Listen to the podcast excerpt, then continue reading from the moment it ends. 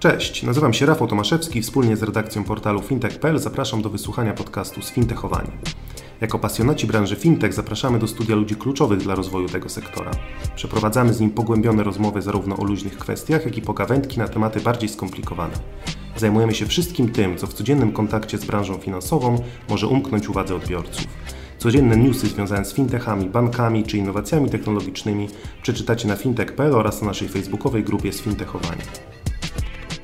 Dzień dobry Państwu, Rafał Tomaszewski, redaktor serwisu fintech.pl. Zapraszam na kolejny odcinek podcastu z cyklu Sfintechowani. Tym razem naszymi gośćmi są Rafał Pychowski, dyrektor do spraw sprzedaży w firmie Unima 2000 i pan Mateusz Michniowski, menadżer do spraw kluczowych klientów także w firmie Unima 2000.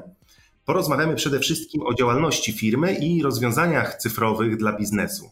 Przejdźmy może zatem do pierwszego pytania. Na początek zapytam e, ogólnie o działalność firmy. Czym zajmuje się Unima 2000? Od jak dawna działacie Państwo na rynku? Dzień dobry Państwu. Unima 2000 jako integrator rozwiązań informatycznych działa nieprzerwanie na rynku od blisko 30 lat. Od początku naszej działalności opieramy swoją ofertę o technologię uznanych dostawców, ale też tworzymy swoje rozwiązania, uzupełniając to wysokiej jakości profesjonalnymi usługami projektujemy, dobieramy i wdrażamy technologie sprawdzone na rynkach globalnych, jednocześnie najlepiej odpowiadające potrzebom klientów, zarówno jeśli chodzi o funkcjonalność, jak i możliwości rozwoju. Firma posiada wysokie kompetencje z zakresu rozwiązań telekomunikacyjnych, ale także w obszarze obsługi klienta, contact center oraz szeroko rozumianej automatyzacji i robotyzacji procesów. Unima 2000 dostarcza również rozwiązania informatyczne służące do analizy dużych ilości informacji, systemy zabezpieczenia danych, w tym danych osobowych oraz systemy zarządzania procesami. Od 2006 roku spółka Unima 2000 jest notowana na giełdzie papierów wartościowych w Warszawie. Tworzymy grupę kapitałową, w skład której wchodzą IQNet spółka ZO oraz Locus spółka ZO, która jest właścicielem Teleinvention Contact Center. Status spółki giełdowej niewątpliwie daje naszym klientom dodatkowe poczucie bezpieczeństwa, gwarantuje transparentność i profesjonalizm w realizowanych projektach. Jasne. A kto korzysta z Waszych usług? Ilu macie klientów i jacy to są przede wszystkim klienci? Unima 2000 ma klientów praktycznie w każdym sektorze biznesu. Wiele lat działalności pozwoliło nam zbudować bardzo szerokie grono klientów i firm, z którymi nierzadko jesteśmy związani od początku naszej działalności. To jest dla nas ogromnie ważne, bardzo lubimy się tym chwalić, że mamy umowy, które obowiązują przez kilkadziesiąt lat i cały czas jesteśmy związani z naszymi klientami. Wszędzie tam, gdzie jest potrzeba dostarczenia odpowiedniego rozwiązania lub usługi, wszędzie tam, gdzie można pomóc klientowi w prowadzonym przez niego biznesie, jesteśmy w stanie zaproponować nasze technologie e, czy usługi. Nasi klienci to m.in. banki, firmy ubezpieczeniowe, duże firmy logistyczne, przedsiębiorstwa produkcyjne, usługowe, ale też firmy działające na rynku usług outsourcingowych czy na rynku retail. Do grona naszych klientów e, należą m.in. takie marki jak e, polskie linie lotnicze LOT, firma ubezpieczeniowa Unika, Getin Bank, Bank Millennium, e, DHL czy Grupa Azoty, bądź też Polska Grupa Farmaceutyczna.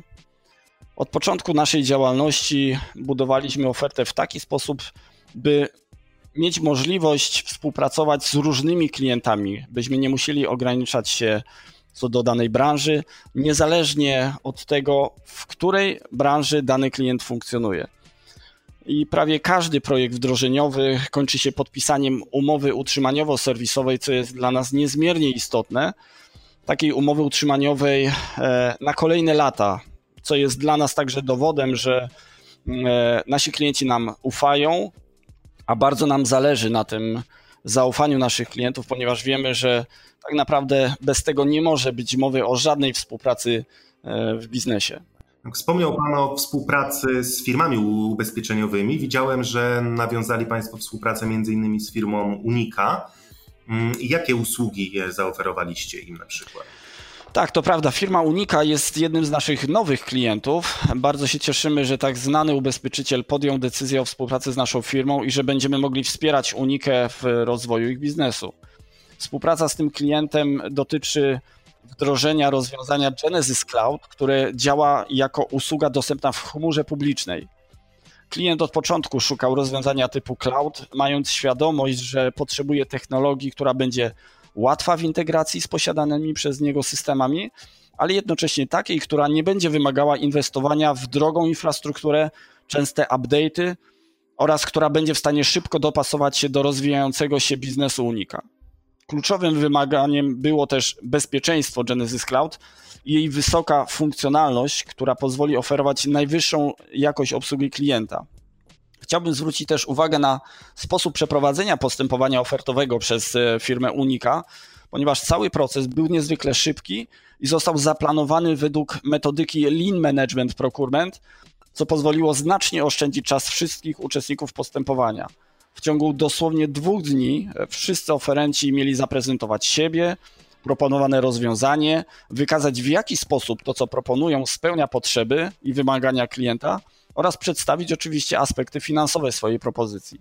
Czasu było bardzo mało, ale stanęliśmy na wysokości zadania i w niedługim czasie po zakończeniu procesu mogliśmy cieszyć się z pozytywnej decyzji klienta i wyboru Unima 2000 jako firmy realizującej ten projekt. Jasne. I tutaj pan Rafał wspomniał o, o, rozwiązaniu chmurowym Genesis Cloud i teraz bym zapytał pana Mateusza właśnie, jakie konkretnie możliwości daje to wasze rozwiązanie chmurowe? E, dzień dobry. Na początek zacznijmy od tego, że Genesis Cloud opiera się w 100% na publicznej, e, obliczeniowej, niehostowanej chmurze Amazon Web Service.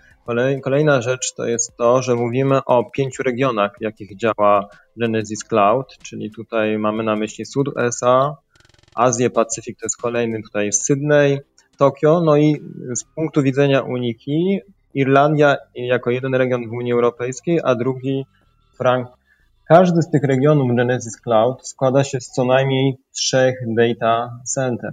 I tutaj mamy na myśli układ takiego trybu aktywny-aktywny, gdzie mamy redundancję.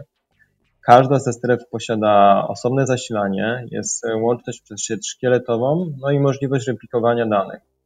A co najbardziej istotne, te data center są fizycznie od siebie odseparowane. Teraz mówiąc o konkretnych korzyściach, na pewno z punktu widzenia firmy Unika, pełna skalowalność usług. No, bardzo często w firmie ubezpieczeniowej zdarzają się takie sytuacje, gdzie jest nagły wzrost, pik zgłoszeń, pik osób dzwoniących. I tutaj de facto w takiej sytuacji, gdy tylko chmura wykryje nagły wzrost ruchu, automatycznie jest zgłaszane żądanie o zwiększenie po prostu mocy obliczeniowej. Dzięki temu nie jest to jakiś żmudny proces, który wymagałby godzin, tudzież dni na dostosowanie po prostu zapotrzebowania e, klienta, tak jak to miało miejsce w modelu on-premise. Kolejna rzecz, która dała się zauważyć aktualnie w sytuacji takiej, kiedy e, no mieliśmy lockdown, mówmy się, wiele z osób pracowało zdalnie, to jest możliwość pracy w biurze, możliwość pracy w domu, możliwość pracy nawet e, gdzieś poza tymi dwoma miejscami. Co istotne też e, do korzystania z systemu wymagamy tylko i wyłącznie dostępu do internetu, no i komputera, przeglądarki internetowej. Kolejnym argumentem, którym Unika bardzo zwraca uwagę, jeżeli chodzi o system e, call centrowy, to jest to, co już wspominał Rafał, czyli jak najmniejsza atencja dotycząca utrzymania, dotycząca serwisu, developmentu, przypadku rozwiązań on-premisowych bardzo często wiąże się to z jakimś przestojem, z jakimiś pracami konserwa konserwacyjnymi. E, na to trzeba czasu. W przypadku Genesis Cloud, przez to, że architektura systemu jest oparta na mikroserwisach, pozwala to na pracę bez przerwy, gdzie wszystkie te aktualizacje e, są dokonywane w locie i tak de facto klient w ogóle tego nie zauważa. Kolejnym argumentem przemawiającym za wyborem tego rozwiązania jest łatwa integracja po API. Tutaj możemy na przykład mówić o systemach CRM-owych takich jak Microsoft Dynamics, Salesforce, Zendex, gdzie do tej pory, no, umówmy się, że klienci mieli dość yy, wahali się, jeżeli chodzi o wybór chmury i bardzo często szli w kierunku rozwiązań on-premisowych, bo kwestia bezpieczeństwa. Tutaj już nie będę wymieniał certyfikaty, jakie spełniają chmura Amazona, natomiast tutaj umówmy się, żadna firma mała, średnia, nawet duża, nie jest w stanie zapewnić e, sobie takich e, rygorów bezpieczeństwa, jakie ma narzucone chmura obliczeniowa. Przez to zdecydowanie ogranicza to koszty funkcjonowania firmy, która wybiera takie rozwiązania. Z takich użytecznych funkcji, mam na myśli tego, co de facto będzie interesowało osoby, które zarządzają e, call center, jest to tak zwana funkcja podróży klienta, czyli Customer Journey. Platforma Genesis Cloud doskonały sposób właśnie monitorowania historii interakcji z klientami we wszystkich kanałach. Umożliwia nam tutaj konsultantom szybki powrót do wcześniejszej interakcji w celu sprawdzenia, o czym rozmawiano. Dzięki temu doświadczenie klienta jest zawsze takie samo, bez względu na to, czy komunikuje się drogą mailową, głosową, e, e-mailową, poprzez czat. Konsultant, tak na dobrą sprawę, w każdej chwili ma łatwy dostęp do informacji i historii E, klienta, bo de facto może równolegle odbierać komunikację z różnych stron. Wydaje mi się, że to jest kilka takich głównych cech, które tej platformy, które pozwalają na pracę e, agentów, na pracę całego przedsiębiorstwa. Co więcej, tego typu rozwiązania są bardzo często wybierane przez firmy, które mają strukturę rozproszoną. Czyli nie mówimy tylko i wyłącznie o jednym miejscu, ale też o wielu miastach, tudzież różnych krajach, gdzie ten system jest mm, użytkowany. E, jasne. A czy Waszym zdaniem, czy Pana zdaniem, polskie przedsiębiorstwa wystarczająco często i wystarczająco chętnie korzystają e, w ogóle z możliwości, jakie daje chmura? E, tutaj na początku postaram się przyjrzeć liczbom, czyli z badania, które zostało przeprowadzone przez firmę IDG Poland E, pod tytułem Chmura publiczna w Polsce 2019 blisko 22% firm planowało wdrożenie chmury obliczeniowej, 6% było w trakcie tego procesu, a niestety tylko 4% dokonało wdrożenia w środowisku testowym. Już dane Eurostatu sprzed epidemii podawały, że tylko 11% firm korzysta z chmury obliczeniowej. No niestety, przez wiele lat chmura obliczeniowa wiązała się z tym, iż w trakcie rozmów z klientami podchodzili dość nieufnie do tego typu rozwiązania. Częściej były to rozwiązania on-premisowe, jak już chmurowe, to rozmawialiśmy o chmurach e, hybrydowych, tudzież chmurach prywatnych. Na pewno ogromny wpływ będzie im ma chmura, e, będzie miała sytuacja związana z koronawirusem, ponieważ bardzo często w trakcie lockdownu korzystaliśmy z rozwiązań chmurowych, chociaż nie byliśmy do końca tego, może nie wszyscy byli tego, tego świadomi. Mam na myśli różnego typu rozwiązania do komunikacji, jak choćby rozwiązanie Avaya Spaces. Natomiast jeżeli mówimy o korzyściach, bo warto o tym pamiętać, gdyż często o tym gdzieś zapominamy, jakie chmura daje e, polskim przedsiębiorstwom, to jedną z kluczowych jest ograniczenie kosztów infrastruktury i usług IT. To jest jakby taki pierwszy argument. Kolejny to jest ten, który był już poruszony wcześniej, jeżeli mówiliśmy o Genesis Cloud, czyli możliwość skalowania usług. I jeszcze jeden, taki kluczowy, o którym może zapominamy, to przesunięcie zasobów IT y, z roli utrzymania infrastruktury w kierunku rozwoju przedsiębiorstwa. Także odpowiadając na pytanie, czy polskie firmy E, wystarczająco często korzystają z możliwości, jakie daje chmura, korzystają, choć czasem są tego nieświadomi, przez rozwiązania, które kupują, które są właśnie uszyte w chmurze, typu, tak jak było wymienione wcześniej, narzędzia do komunikacji. Z naszej perspektywy widzimy przyszłość w różowych barwach. To znaczy, dzisiaj nikt nie ma wątpliwości, że przyszłość e, będzie to e, realizowana właśnie cloud computingu. Czy będzie to w 100% chmura obliczeniowa? W przypadku małych i średnich przedsiębiorstw zapewne tak, z uwagi na koszty, bezpieczeństwa, łatwość implementacji. W przypadku dużych organizacji, dużych firm, yy, instytucji państwowych, prawdopodobnie będziemy się poruszać w kierunku takich chmur hybrydowych, gdzie część rozwiązań będzie alokowana na zewnątrz, czyli w chmurze publicznej, a część jednak ze względów bezpieczeństwa e, będzie e, alokowana tutaj na miejscu. Tak bym miał odpowiedzieć na to pytanie. Tak, Wspomniał, wspomniał Pan o lockdownie w, w, czasie pandemii, że większość osób pracowała zdalnie. I to szczególnie ważne, yy, właśnie szczególnie ważne w tym czasie były usługi cyfrowe, jak większość biznesu też przenosiło się do internetu.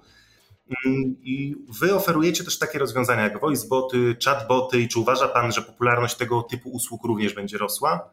Przyznam szczerze, że ogólnie, jeżeli mówimy o lockdownie, przez zamknięcie sklepów, przede wszystkim galerii, mamy ogromny wzrost. Rozmawiamy z firmami z branży retail, choćby nawet, gdzie w tym momencie niektóre z tych firm posiadały sklepy internetowe, natomiast y, nie, były, nie było to główne źródło sprzedaży. To było powiedzmy kilkanaście procent. Dzisiaj cały rynek e-commerce to jest blisko 18% wzrostu rok do roku. Więc lwia część biznesu, który już jest, rozwija się w tym zakresie, a dru e, druga część przenosi się. I tutaj, jeżeli mówimy o rozwiązania takie stricte komunikacyjne, faktycznie e, prowadzimy teraz rozmowy w zakresie zastosowania e, live chatów, w zakresie zastosowania właśnie chatbotów, voicebotów do automatyzacji procesów obsługi, czy to w sklepie internetowym, też ogromny wzrost zainteresowania jest ze strony branży finansowej, ubezpieczeniowej. Tutaj mówimy o firmach ubezpieczeniowych, które po prostu w sytuacji takiej, kiedy dzwoni osoba poszkodowana, dajmy na to w jakiejś stłuczce, odbiera voicebot i zbiera dla konsultanta wszystkie dane dotyczące przebiegu tego zdarzenia, gdzie już później konsultant, który połączy się na końcu e, z osobą, która dzwoni, ma łatwość e, przeprowadzenia całego procesu. Tak samo tutaj e, należy wspomnieć o branży usług medycznych. E, usługi medyczne też w pewnym sensie troszkę przechodzą renesans, biorąc pod uwagę fakt taki, że lwia część usług przenosi się w kierunku telemedycyny. I w tej sytuacji wdrożenie takich usług właśnie jak VoiceBot, który jest w stanie umówić wizytę, ewentualnie przeprowadzenie wstępnej ankiety premedycznej no jest ogromnym obniżeniem kosztu funkcjonowania takiej firmy medycznej, a z drugiej strony stanowi dla przedsiębiorstwa efektywną formę e, obsługi właśnie pacjentów. Chciałbym też zwrócić uwagę na taką ciekawą usługę, którą od niedawna oferujemy, a mam na myśli co-browsing. Nie wszyscy są świadomi, o co chodzi, więc ja to może tak w kilku zdaniach wytłumaczę. Co-browsing jest to usługa polegająca na wspólnym przeglądaniu strony tudzież dokumentów poprzez stronę, e, poprzez przeglądarkę internetową. Mówiąc wprost, jeżeli przychodziliśmy do sklepu e, fizycznie do galerii, bardzo często podchodził ekspedient lub ekspedientka, by nam poradzić, gdzie możemy daną rzecz znaleźć, e, przymierzyć, jeżeli mówimy o branży odzieżowej. W sytuacji odwiedzi strony internetowej są firmy, które posiadają ogromną ilość produktów. No I umówmy się, że niejednokrotnie poruszanie się po stronie internetowej sprawia nam problemy i wymaga dużo czasu. Teraz już czymś naturalnym jest połączenie się poprzez e, czat, czy to e, poprzez czat na stronie internetowej i prośba o pomoc w znalezieniu produktu, ale to dalej wymaga od konsultanta, który stoi, siedzi po drugiej stronie, by powiedział, gdzie mamy tego szukać. A wyobraźmy sobie taką sytuację, że konsultant wkleja nam, wysyła nam e, link do strony internetowej i dokładnie widzi to samo, co my i porusza kursorem na naszej podstronie przeglądarce internetowej. No, przyspiesza komunikację zdecydowanie. I nie tylko jeżeli mówimy o wyborze danego produktu, ale tak samo jeżeli mamy instytucję, dajmy na to publiczną, której y, musimy wypełnić jakiś wniosek, jakiś kwestionariusz, gdzie czasem nie jesteśmy w stanie sobie poradzić. A tutaj pracujemy tak de facto na tym samym dokumencie, tudzież na tej samej stronie internetowej. To wszystko jest bezpieczne, jest to rozwiązanie, które nie wymaga instalowania żadnej aplikacji, może działać w chmurze, czy też wersji on-premise, jest łatwe do zaimplementowania i przyznam szczerze, że rynek zaczyna y, czuć potrzebę zastosowania tego typu rozwiązania. Także mamy szeroki wachlarz możliwości, jeżeli chodzi o tego typu usługi. Spore doświadczenie i uważam, że jak najbardziej rynek e, komunikacji zmierza w tym kierunku i będzie jak najbardziej się rozszerzał, bo po prostu takie zapotrzebowanie rynku. E, jasne, no tak, to faktycznie ciekawa usługa e, co-browsing, o którym, o którym Pan wspomniał. Teraz pozwolę sobie e, przejść tak bardziej stricte do branży fintech i zapytam tutaj Pana Rafała, czy wśród Waszych klientów są także fintechy? Tak, oczywiście. Jeśli chodzi o fintech, współpracujemy z firmami wykorzystującymi innowacyjne technologie, różnego rodzaju innowacyjne technologie działając na rynku finansowym. E, oczywiście banki, firmy ubezpieczeniowe czy domy maklerskie korzystają z wdrożonych przez nas e, nowoczesnych rozwiązań, na przykład w obszarze obsługi klienta. E, od pewnego czasu toczy się swojaki wyścig o jak najlepszą obsługę klienta, o to, by zaproponować mu narzędzia łatwe, funkcjonalne i takie, z których będzie chciał po prostu klient korzystać. E, Unima 2000 wdraża tego typu systemy i aplikacje, przez co wspieramy naszych klientów i realizujemy ich innowacyjne, często bardzo złożone e, procesy biznesowe. Omnichannelowa obsługa klienta, e, zastosowanie chatbotów, voicebotów, czy umożliwienie założenia konta w banku z użyciem systemy, systemu wideoweryfikacji klienta to jedne z przykładowych wdrożeń, które e, realizujemy. Tak naprawdę chodzi o to, żeby e, łatwymi i prostymi e, aplikacjami, z których każdy klient będzie chciał korzystać, przyciągnąć tego klienta, żeby założył konto, żeby pozostał w banku, żeby kupił jakąś usługę oferowaną przez bank i temu też służą rozwiązania, które, które oferujemy. E, jasne. I na koniec zapytam e, panów o plany na przyszłość i czym e, chcecie zaskoczyć rynek w ciągu najbliższych miesięcy. Ja na początek wspomnę raz jeszcze o tym, że firma od ponad 25 lat oferuje sprawdzone rozwiązania z zakresu systemów do telekomunikacji, tutaj Unified Communication, systemów kontakt centrowych oraz, tak jak było wspomniane wcześniej, rozwiązania z zakresu poszerzonej inteligencji, czyli voiceboty, chatboty. Natomiast Przede wszystkim, jeżeli chodzi o najbliższe miesiące albo nawet i lata, widzimy potencjał w sektorze analityki predykcyjnej, związanej z przewidywaniem awarii w przemyśle. Tutaj mamy na myśli m.in. przemysł, e, produkcję, energetykę, wydobycie, sektor paliwowo-energetyczny i tak dalej, i tak dalej. Oraz patrząc z perspektywy branży, nazwijmy to fintechowej, e, banki i firmy ubezpieczeniowe. E, może zacznę od przemysłu w Polsce, który jest, jest bardzo świadomy tego, że bez rozwiązań analitycznych pozostanie w style na tle konkurencji, no i w związku z tym potrzebuje wsparcia takich integratorów jak my. Przechodząc troszkę dalej, na czym polega taka analiza w przypadku e, produkcji? Analizując dane historyczne z czujników pomiarowych, można wychwytywać anomalie często będące odejściem od zakładanej charakterystyki danej pracy danego, danej maszyny, tudzież urządzenia, e, której wychwycenie, notabene, nie byłoby możliwe podczas standardowego odczytywania danych z czujników.